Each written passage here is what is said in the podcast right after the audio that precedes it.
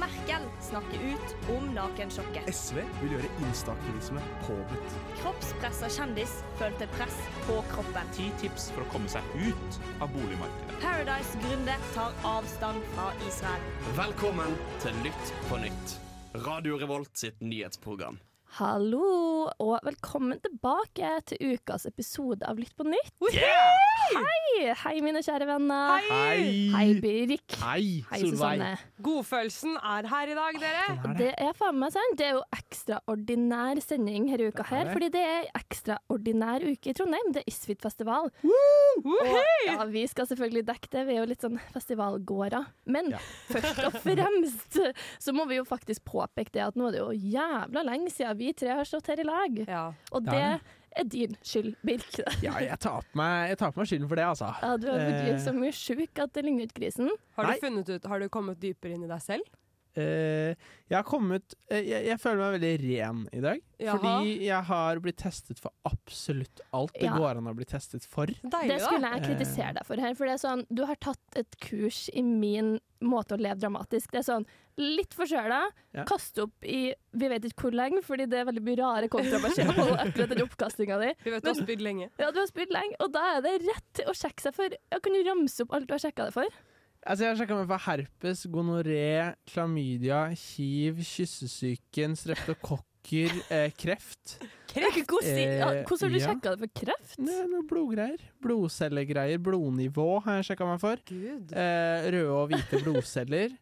Eh, det rapper det. Og noe sånn CRP eller noe, men det er sånn virusgreier. CRP er ganske basic. Ikke, Ja. Det er ikke som å ta krefttest. Nei, Men men for dere som vet eh, noe om CRP, da, så skal den ligge mellom 0 og 5. Jeg hadde CRP på 87. Hæ?!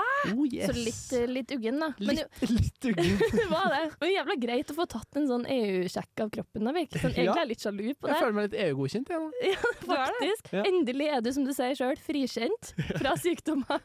Det er godt å høre. Og eh, det har jo faktisk vært valentines i uka, her, eller i går, da, eh, nærmere sagt. Og Susanne, da ser jeg på deg. Hvordan har valentines vært for deg, din del i år? Eh, faktisk så, så er jeg så heldig at jeg synger i et kor som hadde en kordate i går. Mm, oh, så jeg koselig. synger i kvinnekoret til nanoteknologi, som hadde en um, date med mannskoret til medisin. Så, så jeg hadde en slags Det er jo kanskje den mest nerd måten å feire valentines på ever! Stå duett imot hverandre. Det var det. De sang 'Single Ladies', bare at de sang med Oh sånn medisinuttrykk. Mm. Jeg ser bare for meg Truls Svendsen når jeg hører Single Ladies. Jeg så også for meg tr- bare 20 av dem, liksom, i et kor. Som går legeutdanning, da, som for så vidt er en fin ting på valentines. Hvis du først skal finne en ny partner, finn jo for all del noen som skal bli lege, da. Ja. Ja. Nei, men vi uh, har jo et fullspekka program i dag. Vi har en del intervju, og blant annet skal vi få besøk fra både presidenten av Visfit og Head of Editorial i studio. Og uh, du Susanne, du har jo vært ordentlig ordentlig god journalist denne uka her, og sammen med Storsalspodden intervjua Doxa, som da er fredsprisvinnere i år. Eller Ja. studentfredsprisvinnere. Ja, I dag blir det mye isfit på oss. Ja, det blir det. Så strap on your bootstraps, er det det man sier. Og kos dere med dagens sending. Vi skal få høre en låt, vi. Do I Ever Cross Your Mind av Behari. Jeg er Fredrik Solvang, og du hører på Radio Revolt. Ja, det gjør du, og du hører på Lytt på nytt. Og vi har jo som sagt en spesialsending denne uka her. Og i den anledning har vi fått inn to gjester i studio. Vi har fått inn Åse og Camilla fra Isfit. Ikke det bare fra isfit, det er jo gjeve gjester. Gjeveste av det gjeveste. Både president og head of editorial, så det er jo et måte på. Og tusen takk for at dere er her. Vi Takk for å bli invitert. Ja, det er hyggelig. vi tenker jo at vi egentlig skal kjøre rett på med det å kanskje introdusere lytterne våre litt for hva er Isfit? Hvilken type festival er det her? Ja, jeg tar den, jeg. Det- Isfit er en festival på Samfunnet. Vi kan starte der. Isfit er en av de to festivalene man har på huset. Isfit er også verdens største internasjonale studentfestival, som arrangeres hvert andre år her i Trondheim. Kult. Veldig kult. Og så kan du ikke bare si også uh, hva ditt navn er, sånn at uh, lytterne ser deg, OK? Så de vet uh, hvilken stemme som er hvem person. Ja, mitt navn er Åse Håtveit, og jeg er president i Isfit 23. Yes. Så gjevt å hete president. Det er den kuleste tittelen jeg noen gang kommer til å få. Mm. Kult. kult. Sant. Um, hva er det som er på en måte formålet til Isfit sånn i bunn og grunn? Isfit er til for å samle mennesker fra hele verden. Mm. Eh, det er det vi fort gjør. Det er der tanken begynte. Det begynte jo etter Berlinmurens fall i 1989. Da samlet man studenter fra begge sider av denne muren, da. Eh, som møttes for første gang i Trondheim. Mange hadde ikke møttes før. Eh, for mange så var dette her første møte med oi, studenter i et gjenforent Europa. Temaet var 'Changing Europe'. Hvordan skal man dra Europa videre etter at det har vært såpass delt i så mange år Det var etter den første krigen? isfitten, altså. Det var første Det er isfitten. kul eh, historisk Litt timing, rørende, kanskje. liksom. Ja, og Mm. nå har det vært pandemi, da. Da har vi vært delt igjen. Nå må vi finne tilbake til hverandre. Og jeg blir så rørt av pandemiting, faktisk. Ja, det har vært noen år der med, som man nesten har glemt. Så det er jo egentlig skikkelig forfriskende Og nå høre liksom internasjonale studenter her. Og hvert fall for meg som ikke studerte i Trondheim før pandemien, så er jo det her min første ISFIT. Det er jo noe helt nytt. Det er første fysiske isfit for mange her. Camilla er også er første isfit. Ja, ikke sant? Mm, ja, jeg var frivillig forrige ISFIT også, men da kom jeg inn ganske sent da, i løpet. For nå har du en ganske stor rolle. Ja, nå er jeg mellomleder, da. Um, så Head of nå- editorial, var det slik? Ja, Ja. stemmer. Så, Fancy tittel, det da. Ja, det er litt fancy. um, så jeg sitter i kommunikasjonsstyret, da. Ja. Eh, og er i kommunikasjon, da. Litt sånn. Dere har et eget magasin og sånn, har dere ikke det? Mm, ja, det har jeg med her, hvis dere vil se det. Ja, det var superfint. Ja. Ja, jeg syns det var veldig gøy med masse forskjellig innhold. Lært litt, både quiz og vet du hva. Elsker sånt når det er litt uh, engasjerer leseren. vet du. Men uh, dere sier det er, det er mange internasjonale studenter. Men på en måte er det noe Er det fra Europa, eller er det fra hele verden? Og hvor mange land, for eksempel, har vi i Trondheim nå? Vi har rundt 400 internasjonale studenter på besøk som er i byen nå. De er fra rundt 100 land. Eh, og de er håndplukket ut fra tusenvis av søknader. Så her har vi best of the best studenter fra hele verden. Oi, okay, oi, Så det er sånn eh, Så egentlig har på en måte all mulighet til å delta, men du må sende en søknad, og så er det dere som Yes, leser gjennom alt. Hvordan, hva, hvordan velger dere folk? Det er en heftig søknadsprosess. Eh, Det er mange spørsmål som skal igjennom, og det er mye drøfting om tematikk. Vi ønsker jo at folk skal eh, Vi ønsker et mangfold av folk. Vi ønsker at folk skal ha forskjellige meninger, men vi ønsker også at folk er ganske open-minded, eh, og at de er interessert i å bli kjent, og at de er interessert i å lære mer om hverandre. Ja, det kan jo absolutt være en fordel når man eh, setter 400 stykker i lag. Eh, vi skal høre en liten låt før vi går videre. Vi skal høre My Dear John Deere av Overcity. Jeg er Sofie Elise, og når jeg er sliten etter å ha vært med på Farmen og sånne her ting, så hører jeg på Lytt på nytt. Jeg heter Janne Formoe, og du hører på Lytt på nytt. Jeg er Karoline Nytta. Jeg heter Siv Jensen, og du hører på Lytt på nytt. Ja da, det var digg å få litt eh, Hva heter det? Røykehoste inni ørene. Ja, Ja. det trengs. Det trengs. Vi har jo fortsatt besøk i studio. Vi snakker om Isfit. Og temaet for årets festival det er jo polarisering. Og da lurer jeg rett og slett på hvordan var det dere bestemte dere for at det skulle være årets tema? Det som er kult med temaene til Isfit, er at de velges sammen med presidenten til Isfit. Så når du går til valg som president for Isfit, så stiller du med et tema. Så når du velger da lederen, så blir det egentlig en stor debatt om hvilket tema er det som skal prege neste festival. Men gud, så fantastisk at ikke det bare er sånn hvor, hvor mange venner du har. Og, Ja, det er akkurat det. det, er akkurat det. Så, folk, så egentlig er jo tema og president valgt på vegne av Storsalen. For Ja. alle medlemmer kan jo stemme. Så fantastisk. Så det er deg, da, basically. Som, Ja, så var jeg som stilte med temaet polarisering. Og hadde på en måte en debatt om at jo, jo, dette her er temaet som skal være neste festival. Og sånn skjer hvert år, da. Og da blir jo temaet veldig dagsaktuelt. For det er jo oss studenter som setter agendaen på det vi mener er viktig. At skal prege debatten. Stilig. Det er, det er omtrent aldri at man liksom skiller Eller at Vanligvis så skiller man jo person og sak ganske mye når man velger ledere, på en måte. Så det var Mm. litt eh, fett. Ja, det er rett og slett demokratisk valgt nesten tema her, da. Mm. I en pakke med deg. Jeg kommer med på kjøpet. Bonus. Men, eh, men rent praktisk, hva, på en måte, dere har innlosjert 400 studenter fra 100 land i Trondheim. Hvordan har det foregått? Hvordan det har foregått. Ja. Hvordan man tar inn folk. Er de på hotell, liksom? Eh, nei. De er ikke på hotell, de bor hos folk i Trondheim. Både studenter og trøndere og andre som har åpna hjemmene sine. Studenter og trøndere, det er de to ja, nei, jeg skal ikke legge en sånn polarisert debatt her nå mellom studenter og trøndere. Men uh, det, det er virkelig alle i Trondheim som har åpna hjemmene sine for å ta imot disse her. Ok, Jeg trodde jo egentlig det bare gjaldt studenter, men dere når altså ut til absolutt alle. Er sånn Det er mange morsomme samtaler vi har hatt. Jeg ble ringt av en pensjonist som skulle ha hjelp til å overbevise kona om at de kunne ha plass til mer enn én. så hyggelig. så hyggelig. Ringte du og sa hei, dere har plass til mer enn én? Ja, vi ble enige om fire. Nei! Det er gærent. Hjelper med litt dialog, altså. Det er mange med mye plass eh, i hjemmene sine. Det er jo det. Ja, og det er jo ikke oss. Det er Nei, trønderne, ikke det. oss. Ja, det er kanskje litt lettere for dem som sitter med en eh, liten villa eller noe sånt, ikke kollektivet. Men er, virker det som at liksom, de gjennomsnittlige Trondheim-studentene og folk generelt er veldig villige til å være med på det her, eller er det litt tungrodd å få innlosjert så mange folk? Det er litt tungrodd. Eh, det er det, og spesielt når du ikke vet helt hva det går ut på. Så det er det vi har jobba litt med i år. å være Sånn, hva vil det egentlig si å være vert eller Mm. host? Jeg tror det har også litt med at forrige festival var jo ikke fysisk. Mm. Og da hadde vi jo ikke internasjonale studenter. Så de som har vært vert før, har på en måte litt glemt også. Ja, men det er sikkert et godt poeng. Um, hvordan det var, da. For det er fire år siden sist. Så man begynte nesten litt på scratch igjen, på en måte. Ja, fordi dere, dere trykket på den store røde knappen på et tidspunkt. Det fikk, tror jeg vi alle fikk med oss på mail og sånn. Det var en artig mail å få. Ja. det var mail til 50 000 mennesker i Trondheim, Gjøvik og Ålesund. 50 000 Dæven. mennesker! Herregud, så, så man kunne òg bo i Gjøvik, altså? Eh, nei. Nei. Det sto fint i tekst. Dette gjelder bare de i Trondheim. Men det klarte man ikke å skille ut på den mailen. Men Nei. det gikk fint. Nei, vi trykket på den store røde knappen, for vi trengte skikkelig hjelp. Eh, så det er ikke noe å legge skjul på. Men eh, folk meldte seg, og det gikk bra. Men det var, det var ikke så mange av oss som fikk sove de første siste to Nei, det høres mildt sagt litt stressende ut. Ja, det var tøft. Men betyr det at alle fikk et sted med en gang de kom? Nå har vi eller? flere senger enn det vi trenger.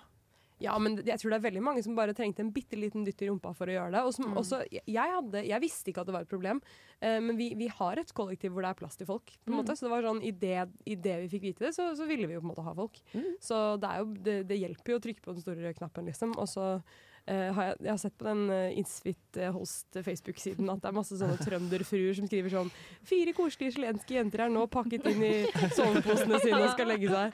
Det er kjempesøtt. Jeg tror det er mange hyggelige historier eh, som vandrer rundt her i Trondheim. Altså.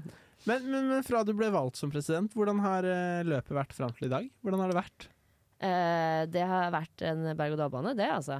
Eh, det har vært kjempegøy, først og fremst. Du føler du reintroduserer noe veldig viktig og veldig stort. Ja, det er kjempestort ansvar nå etter pandemien. Ja, det er litt det. Du føler på en måte Jo, jo, jeg lover, det er kjempekult. Og så er det egentlig ingen som på en måte opplevde det før. Det er fordi at det skjer hvert andre år, og det som Camilla sier, det er fire år siden sist. Eh, men fy søren, så morsomt det er å være i gang. Mm. Så jeg, jeg blir bare imponert etter alt kultur har å stille opp med. At vi får senger til alle sammen. At alle får mat. at all logistikken går greit, liksom. Det er eh, utrolig mange frivillige, et maskineri av frivillige som jobber hver dag for å få denne festivalen til å gå rundt. Ja, det er jo masse aspekter ved det. Så hvis du må liksom trekke fram sånn Syns du det mest utfordrende har vært akkurat det med sengeplasser, eller er det andre ting som du òg er sånn åh, det her er litt dritt med å arrangere festival? Eh, jeg syns det er veldig morsomt å arrangere festival når du har så mange kulturer inn i ett eh, rom. Mm. Det er jo så mye ting du ikke har tenkt på, så mye ting som kommer opp som er sånn Ja, det er kanskje litt sånn rar norsk ting. Vi fikk liksom spørsmål i dag. Er det normalt at dere har kald lunsj? ja, vi spiser veldig mye brød. Beklager. Men det merka jeg faktisk da jeg gikk inn på samfunnet på mitt vanlige samfunnet Æren, som bare var å dra og drikke øl. Så lukta det så jævlig røyk inne på samfunnet. Så tenkte jeg dette er isfit. Fordi nordmenn røyker ikke så veldig mye. Det kan godt være. Jeg skal ikke se bort ifra det. Nei, men jeg syns det var kjempehyggelig. Jeg minner meg om å være i utlandet. Ja, det var nettopp det. Jeg syns det var litt, eh, ja, litt forfriskende, rett og slett. Hva er høydepunktene for deres del i denne festivalen? Hva er det dere gleder dere til? Ehm, for min del så er jeg litt nerd, da. Og er veldig glad i paneldiskusjoner og debatter. Har vært med på eh, alle så langt. Eller ikke vært med i panelet, dessverre, men sett på, da. Um, så var jeg på Thomas Dybdahl da, i Nidarosdomen. Det var skikkelig magisk. Oh my god. Det er så lurt. Det var skikkelig, skikkelig bra. Akustikken der var helt uh, ja, var magisk. Så var det veldig stort da, å få være med på SPP-seremonien, Student Peace Prize Ceremony. Da vi fikk se Doxa vinne, eller få prisen, da. Fikk noen sterke taler og fint å se folk i bunad og andre nasjonaldrakter. Og, ja. Det Så høres det er så rørende. rørende. Ja, det er mye, bedre, mye bra som kommer fremover. Da. Jeg gleder meg veldig til fredag. Det er en sånn temafest. Det er våre festivaler. Så skal alle rommene Eller alle ja, Husstandene, liksom? Ja, eller hva blir det? Ja, rommene da, på huset, på Samfunnet, blir en festival. på. Skal dere ikke på Husnes på fredag? Jo, det skal vi jo faktisk. det er jo- Ja. det må dere. Ja, det skal vi faktisk. Det hadde jeg glemt. Så kan dere dra på Coachella i Storsalen. Og se Leisure Suit. Lovers. Nei, jeg gleder meg. Wow. Mm. Herregud, det er et kult konsept. Ja. Og kostymer, skal vi ikke kle oss ut da? Jo, jo, man Blir ikke så på. Jeg er på, jeg har vært innom to det, altså. Ja, ja, ja. Ja, I'm ready. Ja, for det er det, du, er, er det du gleder deg aller mest til? For det, det er jo mer festival igjen. Det er en eh, fire dager igjen, Mm. Mer eller mindre. um, ja. Og så blir det veldig fint med closing ceremony, da, tenker jeg. Jeg gleder meg til dragshow. Ja, for Ja, det, det det også. Det Må også. droppe det nå. Det blir dritfett. Det er en internasjonal dragartist fra Thailand som skal komme til Ja, det er det som er på RuPaul, er det ikke det? Herregud, det Mm, veldig artig Mm. casting. Ah, Mm. så kult. Mm. Så det blir Eh, ja, det, vi gleder oss resten av Isfit-festivalen, og vi takker for besøket. Så skal vi høre en liten låt, og det er 'Highlights' av Lars Vaular. Se fra en strand Alene. med en avis. En svær avis. På nytt. På nytt.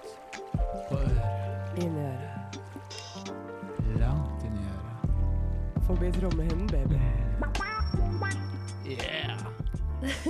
Det er det vi trenger. Hater den jingeren. Du, gi deg. Jo da, vi er fortsatt her, vi, vet du. Psyk! Isfit har ikke gått ennå! Nei da. De er noen creeps som ikke vil forlate studioet. Nei da, det er vi som har flere spørsmål. Um, det, vi, vi diskuterte det litt i stad vel, om på en måte hva Vi skulle spørre dere om polarisering, siden dere er eksperter på det nå. For eksempel hadde dere jo det dialogprosjektet der, dere, eh, der det var arrangert en hyttetur i Røros, og man uh, blanda rett og slett sammen både mm. høyre- og venstreekstreme studenter fra USA. Mm. Var det liksom en spesiell grunn til at dere valgte akkurat studenter fra USA da? Det var polariserte studenter. Mm. Det var det som var greia. Så vi skulle ha folk med faktisk skikkelig forskjellige meninger inn på en hytte i ti dager. Hvordan gikk det? Det er jo ikke rosenrødt, eh, dette prosjektet her. Det er ganske heftig for veldig mange av de som deltar. Så vi har jo flere historier som på en måte er ganske tøffe. Mm. Uh, men det er jo det vi ønsker å gjøre. Vi skal utfordre litt, men samles på en måte på en felles grunn hvor man kan ta opp litt såre temaer, men bygge vennskap før fiendeskapet. Mm, åpen litt for dialog. Det er jo en veldig artig arena for det òg, arrangere hyttetur. For der må man jo rett og slett prate. Hadde dere noen sånne preventive measures for å unngå at ting gikk helt til helvete? Det er jo frivillige som har mye trening. De har mye trening på dialog. Eh, så, men vi har jo historier fra tidligere Isfit hvor deltakere er sendt hjem. For det går Oi. ikke. Oh. Eh, det, det er enda noen år siden det har skjedd, da. Men eh, man prøver jo å unngå det, og vil heller at folk skal kunne klare å være i samme rom. ja. ja, det er litt mer heldig. Altså, Isfit som festival, eh, som dere har sagt sjøl, har liksom alltid jobba mot polarisering. Eller det er jo liksom litt det å, å ha åpen for relasjonsbygging, rett og slett. da. Men hva vil dere si, hvilken del av Isfit, eller hvilket arrangement, eller hva er det ved det som kanskje jobber mest mot polarisering? Tenker du på eh, arrangement som del av kulturprogrammet? Ja, eller sånn hva som helst, egentlig, ved den festivalen. Mm, jeg har lyst til å gi litt selvpromo, da. Og si, ja, det. Det er greit. og si magasinet vårt. Ja. Ja, magasinet er faktisk todelt, så vi har eh, Det var en idé vi fikk eh, ganske tidlig. Eh, så der har du på en måte Første del er ganske sånn magasinaktig, med feature-artikler og politiske eh, artikler, da. Eh, mens andre del er litt mer ja, på det menneskelige planen, kanskje, man kan si. Der, der er det litt quiz, og det er litt eh, eh, musikk, litt spillelister. eh, ja, litt uh, forskjellig. Vi har en uh, artikkel om kinks, som har, er til og med blitt et eh, polariserende tema. Vi har faktisk fått eh, Ja. kommentarer på det. At eh, den der artikkelen der, den var litt uh... Kanskje det er svar på første spørsmål, da. Hva som er mest polarisert tema i Norge? Kinks. Kanskje kinks. Ja, kinks. Ja. Oh, nei, men Det har vært kjempehyggelig å ha dere her eh, i studio. Det har vært ordentlig forfriskende med litt flere stemmer her. Veldig hyggelig. Ja, håper jeg dere får en flott videre festival. Og at arrange- arrangeringa kan man si det, går smooth videre. Tusen takk, takk, for invitasjonen. Ja, Lykke til, og vi gleder oss masse til å være på Isfit i helgen. ja det gjør vi. Hei, lille Turi. Velkommen til verden. Turi, gratulerer med din konfirmasjon. Vil du tilbringe resten av livet ditt med meg? Jeg bare elsker ris. Jeg visste ikke at det var farlig å spise gammel ris. Det er bra vi hadde livsforsikring! Fra jord har du kommet, og til resirkulert pose skal du bli. Lytt på nytt er med deg fra vugge til grav. Birk, du er så sykt søt når du er sånn Bra, du hadde livsforsikring! Kler deg skikkelig den dialekten. Men vi er fortsatt på Isfit-kjøret, vi. Og du Susanne, du har gjort et ordentlig fint intervju tidligere denne uka her. Ja, tusen takk. Fortell litt om det. det er, vi har vært super, superheldige, så i samarbeid med Storsalspodden, de som dekker alt mulig som skjer av debatter i Storsalen, så hadde jeg et intervju med de som Camilla nevnte i stad, nemlig Doxa. Og det er de som har vunnet eh, den Er det den internasjonale studentprisen, eller den norske? Norske studentenes fredspris. Studentenes fredspris. Um, jeg sier Nobels fredspris hver gang! Ja, det er nesten, da. Uh, men uh, disse folka de er da rett og slett uh, russiske Det startet med studenter, og nå er det egentlig en del forskjellige folk, tidligere studenter og journalister, som er i magasinet Doxa, som eh, snakker om krigen i Ukraina. De er imot Putin, og de risikerer liv og familiens liv for å spre budskapet eh, om altså anti-war-budskapet og budskapet om ytring, ytringsfrihet. Så vi har fått snakket med en av journalistene derfra, eh, og det er det du skal få høre nå. Hør på det. For short, uh, if you were to summarize Doxa in one sentence, what do you say to people? Uh, so Doxa is uh, independent Russian media which covers war in Ukraine, political repressions in Russia, and gives a voice for the young people who resist the authoritarian regime. in Right. Russia. That's one cool sentence, isn't Yeah, it? it's a fucking badass sentence. I is what know. it is. It But, is. It is what um, it is. what exactly do you mean when you say student issues? the uh, universities are now used as a propaganda institutions. We saw that in my alma mater, it was the, it considered to be the most liberal university. Now there is a um, very far right conservative organization called uh, Белая Ворона in Russian. and basically, this is the guys who appear on the students' days in the army form and promoting that war in Ukraine is something good. It's something that actually students should go for. And that's a totally crazy thing to see in your alma mater because in 2018, Doxa could get funding from this university to organize political school uh, for like sociologists and political Mm. scientists and bring Slavoj Žižek and uh, Right. Like other like politically very like understandable people who are not supporting Putin's regime, right? Yeah. Mm. Mm. So the switch is super total, and uh, I think that uh, students in Russia now is feeling very much lost and uh, mm, left because, uh, as uh, you might know, that many Russian opposition and journalists and me as well, like uh, people just leaving the country, and there is no like there is very li- there's very little possibility actually to still sustain some kind of community and to build something even not about politics it's just about overall if you want to do a grassroots activity i don't know you want to go for let's separate the garbage even this is super political in russia and this can Mhm. actually cause you your freedom Hmm. Or what's the role of student activism uh, in general? Why is it always students that are uh, and young people that are? I think, yeah, talking from the experience of the journalist from authoritarian country and just the activist background, I would say that being a student and an activist is important because we are actually the people who would uh, build and rebuild our society, who Mm. would bring the change and who would criticize and who would actually implement all of these changes. So this is not the some old people who are in charge of the power and the resources who gonna decide how we should live. And uh, talking about Russia, this is very important because my generation, so I'm 22, and Putin came to the power in 2000. So all of my life was under Putin. I think it's just a, mm, it's just a key fact that you just were born under Putin and now you are already an adult and you still have the same guy who is just killing now the people, who is taking your friends and colleagues to the prison and all the bad things is happening in your life is because of this one person. Yeah. And Mm. that's very piecing you. Yeah, I think it's a very like giving you this anger and the desire to change many things because you don't have this trauma of your parents and the parents uh, my parents uh, they l- was living in 90s so their adulthood and like most flourishing and uh, productive years came to the p- like economic and political transition and uh, it was a very hard moment for all of uh, uh, Russia and post-Soviet space to rebuild and to overcome this post-Soviet trauma. Mm. So basically, all I have been hearing for all of my teenage and adulthood is that Katya, you should leave the country because you will never succeed here. You will never realize your potential.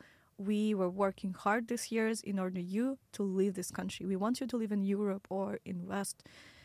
You know, you just shouldn't waste your youth in Russia, and that's crazy. That is Mm. actually, it's not my only story. It's the story of all of my generation because people don't want to get back to this period of 90s where there was no stability but they also don't want to change anything in the society now Yeah.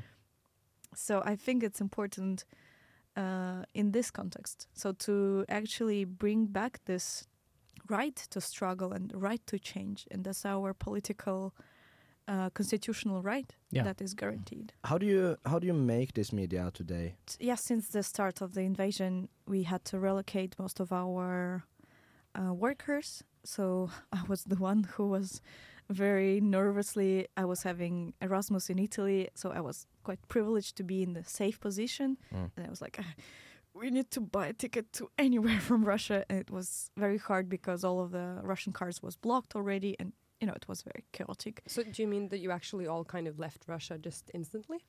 Mm, not instantly, but most of the people, because it was a, it was a, a rumor that the border would be closed. Mm. So basically, in order not our journalists to be stuck in Russia, we needed them to relocate to Georgia or Armenia or, you know, countries that doesn't require visa because to make a visa to Europe, Schengen visa, you Mm. have to like spend one month or so in more.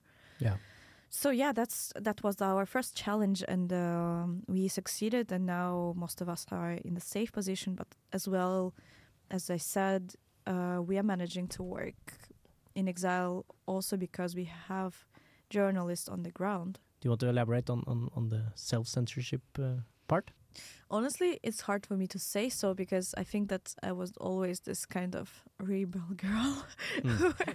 with my parents, with with my work, with my studies. So for me, it was always like where I could push myself to go, like what kind of investigation would actually stop me with, Yeah. like writing what I want. And uh, I think uh, I actually reached this bottom when I was working in Nova Gazeta, and uh, I was working as a data journalist, and we were doing investigations. And one of the investigations we were working on, it was about how um, Russian elite is buying blocks on the Telegram channels. Mm. So basically, they are buying uh, from this anonymous. Just you know, they're, they're very popular in Russia. So it's like millions of people who are just for some reason they're reading some kind of insiders who are not even publishing their names or like anonymous names. They just putting some weird name anyway. So the the thing is that was we wanted to see if uh, uh, Ramzan Kadyrov the Chechen uh, president uh, is buying the blogs on him. So not people to write bad about him. And then this point I was like okay. It's really scary. I wouldn't I wouldn't publish this article with my name. Yeah.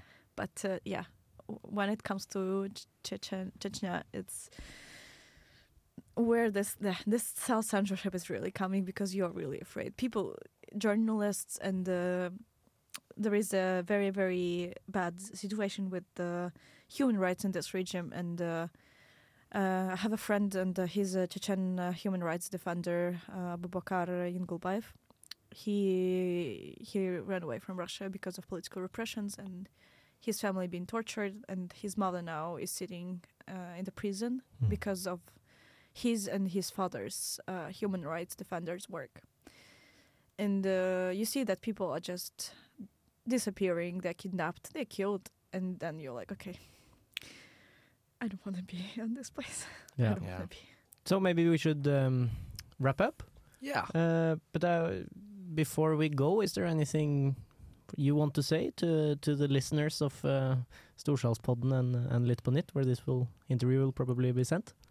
Yeah, I think that, guys, it's really important and it's a very big honor for us in Doxa to be here in Norway and to receive this uh, Student Peace Prize.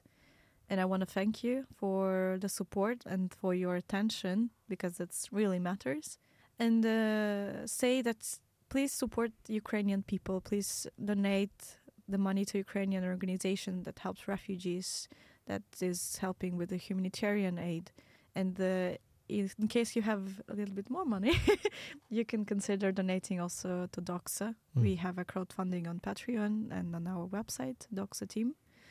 So we would be very, very happy, and it will very hugely help us to continue with our work. Jeg heter Christian Mikkelsen, og du hører på radio Revolt. Volt. Vi er her på Litt på nytt, og vi har nettopp hørt et intervju av um, Doxa. Ja, eh, spesifikt så er det Katja Martinova, heter hun. Katja Martinova.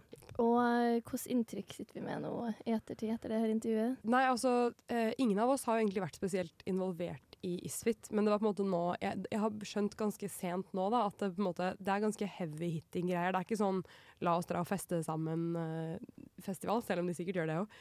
så er, det er liksom virkelig ekte ting. Og så var det også utrolig absurd, fordi um, Doxa-magasinet startet jo som en student studentmedie. Eh, sånn som vi er. Men eh, de fikk lov til å leve på en måte som studentmedie bare ett år, fordi de sa ting som ikke universitetet godtok. Og det her er da High School of Economics i Moskva.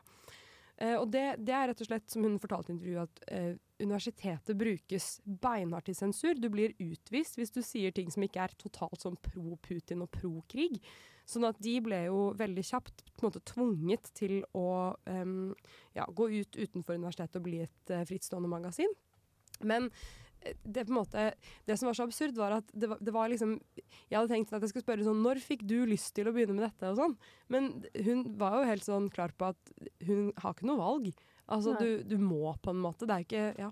Det er på en Ja, det... ikke for moro skyld, sånn som det er for oss, da. Nei, det er nettopp det. Vi gjør det jo som et verv, men det jeg syns var så trist og interessant òg, det er jo det at hun har jo egentlig fått litt med morsmelka, eller liksom med familien sin, eh, blitt fortalt sånn det er ikke noe framtid for deg i Russland. Eller sånn, ikke kast bort tida di her, ikke kast bort liksom, ungdommen din her, da, fordi de holdningene Og det har jo liksom Det her med sensur har jo da bare infiltrert alle delene av livet ditt. Ikke, ikke Mm. engang på universitetet kan du liksom si hva du vil, eller hva du mener. Og det er liksom i hele samfunnet. Du bare kommer ikke unna det. Og det er jo, som hun sa, hun har vokst opp med Putin som president.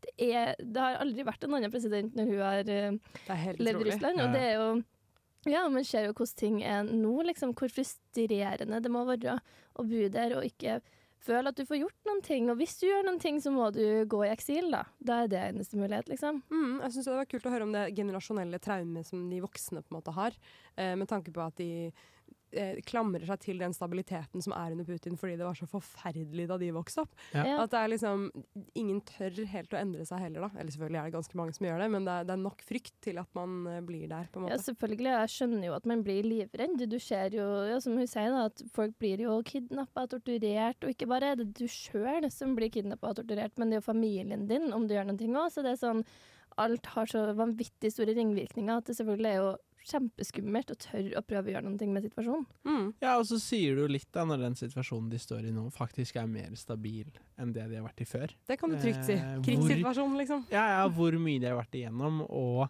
jeg, altså vi, Det blir jo diskutert i norske medier på en måte hvorfor det ikke er mer motstand. Og det er jo en del motstand ute. Det er mange som demonstrerer i gatene, og så har du mye mindre eller stille demonstrasjoner. Så er det sånn som Doxa gjør, gjør et supert arbeid, Ja. men ikke så synlig kanskje i mediebildet vårt. Ja. Men- og en annen ting der er at um, det er jo ikke synlig i vårt mediebilde, fordi de kan jo ikke legge ut ting på, en måte på, på Instagram og sånne ting, og de kan ikke, de kan ikke ha nettside. Så det, blant annet så har de jo samarbeid med masse sånn VPN-sider som gir utenlandske VPN-er til leserne av magasinet, for de må holde seg skjult. Ja. Og i tillegg så har de da disse hemmelige journalistene i Russland, og det er liksom det er ordentlig skumle greier de driver med, da. Ja, sant? Det trekker jo frem hvor vanskelig det faktisk er. Sånn, uansett hvor bra jobb de gjør, hvor vanskelig det er å nå frem, da, nå ut med det budskapet. Mm. Og det syns jeg er liksom viktig med denne invasjonen av Ukraina, så er det liksom det å huske på hvordan det er for dem i Russland òg. At det er ikke noe folk i Russland ønsker seg. Det er ikke noe en ønskesituasjon at det her foregår. Og at det egentlig er bare to tapende sider, på en måte. Mm, ja, hun sa jo det veldig nå også. Hun, hun sa jo det er Putin. Altså det er én Mm. fyr som har ødelagt hele livet mitt, liksom. Det, det er viktig å huske på da, at uh, det er sånn det føles for russere også, på en måte. Ja, det er Ja. jo skikkelig trist. Jeg blir ordentlig lei meg av å tenke på det. Mm. Nei, det er, eh, det er så surrealistisk, egentlig. Ja. Og vi deler til og med grense med russerne. Hvor Ja. sykt det er ikke? Hvor annerledes De kontrastene her. Det er helt vanvittig. Ja, for det, det syns jeg var veldig, veldig absurd da hun sa sånn Ja, vi, vi skriver om students' rights. Og så tenkte jeg sånn Busser til sluppen, billigere mat i kantina. Mm. Og så var jeg sånn Nei, vent litt. Students' rights er å liksom ikke bli utvist. Og så sa han også at eh, det kosta eh, tror jeg, em, 60 000 i året, altså norske kroner, eh, nei, i semesteret, å gå på universitetet i Moskva. Hæ? Ja. Kjempedyrt. Som er sånn Skal ikke det være et kommunistisk land? Jeg trodde det Ja. Ja, hun sa det Det var var like mulighet for alle, liksom, men eh, nei. Det er Niks. ikke det. Hun ble superoverrasket over at jeg sa at det var gratis her. Oi, oh. Så du må faktisk være litt privilegert for å i det hele tatt få tatt en utdanning og Ja, Hvis det koster 60 000, så er det jo altså Med lønningene generelt sett i Russland, så er det imponerende at noen får tatt det. Ja. For det er jo Ja. Mm, det, det, det var det. Det syns jeg også var litt overraskende. Mm. Jeg syns jo det er liksom kanskje litt det inntrykket jeg har, er at man ikke har så utrolig mye informasjon om hvordan det er å bo i Russland. Sånn generelt sånn hvordan det er for de individene som faktisk bor der. Jeg føler liksom ikke at man Nei, vi vinkler det så negativt i media vårt, på en måte fordi Russland er den store, slemme bjørnen, at vi tenker kanskje ikke med første øyekast hvordan det faktisk er for de som bor der, og hvordan det er å være innbygger. Og ikke bare det store maskineriet til Putin, men alle som lider av det til daglig, og alle de små tingene som vi ikke vet om, da. Mm. Eh, Og det er jo et ganske sånn lukka land for så vidt òg. Det, det har det jo vært veldig lenge, så det er jo egentlig ikke noe nytt i det. For jeg føler vi aldri egentlig helt har hatt innsikt i det. Men det lukker seg jo mer og mer. Mm. Og det blir utrolig spennende å liksom, Og se, hvordan det her utvikler Og veldig kult å få stemmen til en som er veldig midt oppi det. Ja, ja få det så tett på. Mm. Det er jo helt vanvittig, egentlig. Veldig stilig. Eh, vi skal høre en uh, låt. Vi Vi skal få Best Friend av Gloss Up og Glorilla. De lytter til Radio Revolt, studentradioen i Trondheim. Ja, og du lytter til Lytt på nytt, gjør du. Og vi har jo hatt Isfit spesial i dag, og ganske intervjutungt òg. Fra Ja. all over the place, rett og slett. Både presidenten sjøl og head of editorial, var det det? Ja, Den mest fancy tittelen jeg har hørt ja. i mitt liv. Og Og den russer i norske- eksil. Ja. Den norske Å, nå hadde jeg lyst til å si Nobels Student, fredspris. studentenes Nobels fredspris. Vi må bare kalle det Nobels, altså. Vi, bare, vi Den omdøper inter, det, jeg sa den internasjonale studentprisen. Det var det jeg sa. sa. jeg skjønner ikke hvorfor de skriver på engelsk hvis det er norske studentprisen. Men eh, kanskje fordi litt det synd er for dem som er internasjonale de, de som vinner den, kan jo ikke norsk bil. Men det er et godt poeng. De må bare gå i norskkurs først. Det er eneste kravet for å Ja, vinne. jeg blir overrasket over hvor mye som er på engelsk i vårt samfunn. ja. um, men ja, i festivalånden her, da, så nå vil jeg jo gjerne høre litt deres forhold til festivaler. Så eh, nå skal jeg gi dere en fuck, marry, kill på oh, men jeg, tror, jeg tror jeg har vært på den lameste festivalen her. Har du okay. det? Jeg, jeg har på, veldig- Da jeg var liten, var jeg på Sandnes Jazzfestival.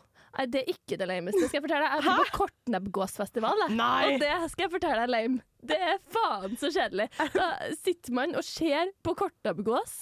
Og man kan bette på hvordan gortnebbgås som liksom kommer fortest nedover elva Er masse sånn, en trøndersk greie? Det er en besta ting. Fordi at vi har så jævla mye kortnebbgås. Besta? Okay. Er det der jeg bestemora di? Nei, I wish det er plassen jeg kommer fra. Å ja, stedet du kommer fra heter Besta, ja. Ja. Greit. Ja, det Nei, men Få høre fuck, Mary Ja, kill. fuck, Mary kill. OK. Ja. Fuck, Mary kill, palmesus, Ja. isfit eller um, hmm, Lollapalooza. Hva er Lollapalooza? Det er sånn uh, kjempesvær musikkfestival. Ok, Vanskelig for deg, fuck, Ja, for da må jeg liksom drepe er, isfit. Faen! Uh, Nå kom jeg på det. OK.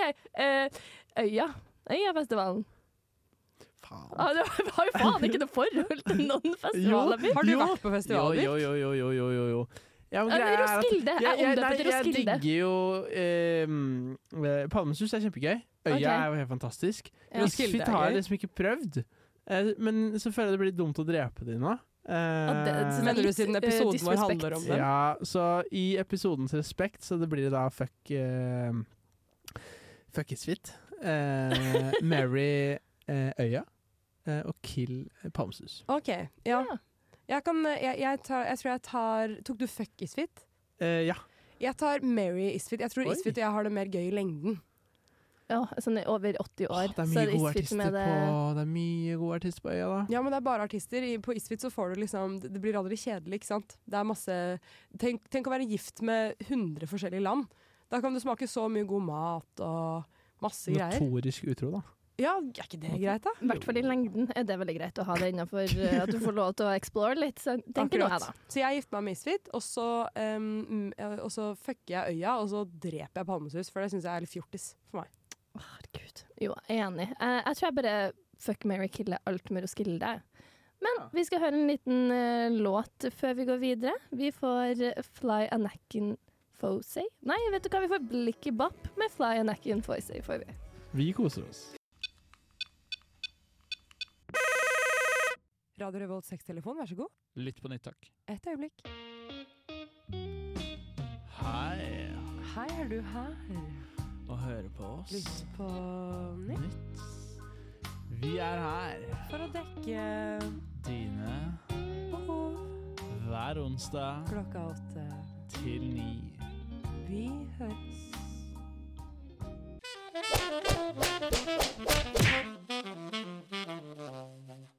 Ja, og det er jo litt eh, behov som må dekkes, og som student så er det jo gjerne sånn at man fester litt. eh, Og i og med at det er Isfit, så har de på fredag noe som heter Temafestfestivaler. Det vil si at alle de forskjellige barene og stedene vi kan være på Samfunnet, har sitt eget tema. Så da tenkte jeg å ramse opp de kjapt, og så må dere velge hvilket tema dere har lyst til å kle dere ut som. Vi okay. starter med Live Aid, Moldejazz, Oktoberfest, Coachella, Lollapalooza, Burning Man, Awakings og Nordlysfestivalen. Susanne, hva føler du deg som på fredag? Og på fredag eh, Jeg håper jo at jeg føler meg som Coachella, da. Eh, jeg håper jeg føler meg nydusjet og sminket, og at jeg har krøllet hår, sånn som alle på Coachella har. Deilig. Mm. Ja. Eh, jeg føler meg som Moldejazz, jeg, for det har jeg vært ekstremt mange ganger. For det, det som er tilfellet i livet mitt, prøve å jazze meg gjennom noe som bare ikke går. En utdøende festival, jeg. Ja, men vet du hva? Jeg håper jo at jeg er Coachella, men jeg vet at jeg er Moldejazz, jeg også. Er ikke vi alle? Er ikke Det det, er livet handler om å innse at man er en Moldejazz? Birk, du vet jo ikke hva halvparten av de festivalene er, men Absolutt hvilken ikke, men Live Aid har jeg hørt om, og derfor føler jeg meg som Live Aid. Ja vel, det er bra, Birk. På trygg Jeg tror vi takker for oss med det. Ja, ja, vi gjør det. Vi takker for at dere har hørt på nok en gang. og Håper dere har kosa dere gløgg. Vi er jo bare så artig å høre på, er ikke det? Vi har iallfall kost oss. Vi har kost oss masse. Vi hører dere forhåpentligvis igjen neste uke, vi. Ciao! Ha det! Ha det. Du har lyttet til en podkast på Radio Revolt, studentradioen i Trondheim. Sjekk ut flere programmer på radiorevolt.no.